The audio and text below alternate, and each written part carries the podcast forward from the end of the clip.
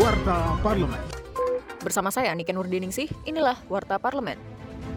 Anggota Komisi 3 DPR RI, Supriyansa, menyoroti dugaan penyalahgunaan BBM subsidi jenis biosolar dan pertalite di wilayah Sulawesi Selatan dan sekitarnya. Ia menegaskan siapa pun pihak yang melindungi bisnis ilegal harus diproses hukum. Politisi fraksi Partai Golkar ini meminta Kapolda Sulawesi Selatan, Sulawesi Tenggara, dan Sulawesi Tengah untuk segera turun tangan mengusut kasus tersebut.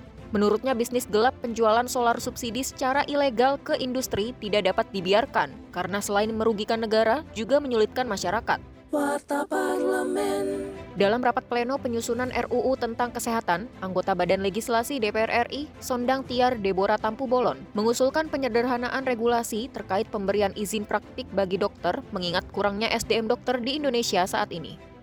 Kenapa kita selalu menciptakan bagaimana supaya regulasi itu bisa lebih singkat, lebih simpel. Sedangkan kita sekarang ini darurat yang namanya SDM, Kenapa tidak bisa dipersingkat atau dipersimpel, disederhanakan? Untuk mendapatkan jadi SIP, ya sudah SIP dan STR itu digabungkan menjadi satu. Bagaimana kita bisa menyederhanakan regulasi-regulasi? Ini menjadi pemikiran kita bersama.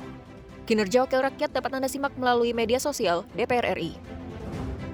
Menanggapi pernyataan Presiden terhadap 12 kasus pelanggaran HAM berat di masa lalu, anggota Komisi 3 DPR RI Rudi Masud meminta agar pernyataan tersebut diikuti dengan proses hukum dan kebijakan strategis. Dengan begitu menurutnya pengungkapan para pelaku kejahatan dan pemenuhan hak para korban bisa dilakukan.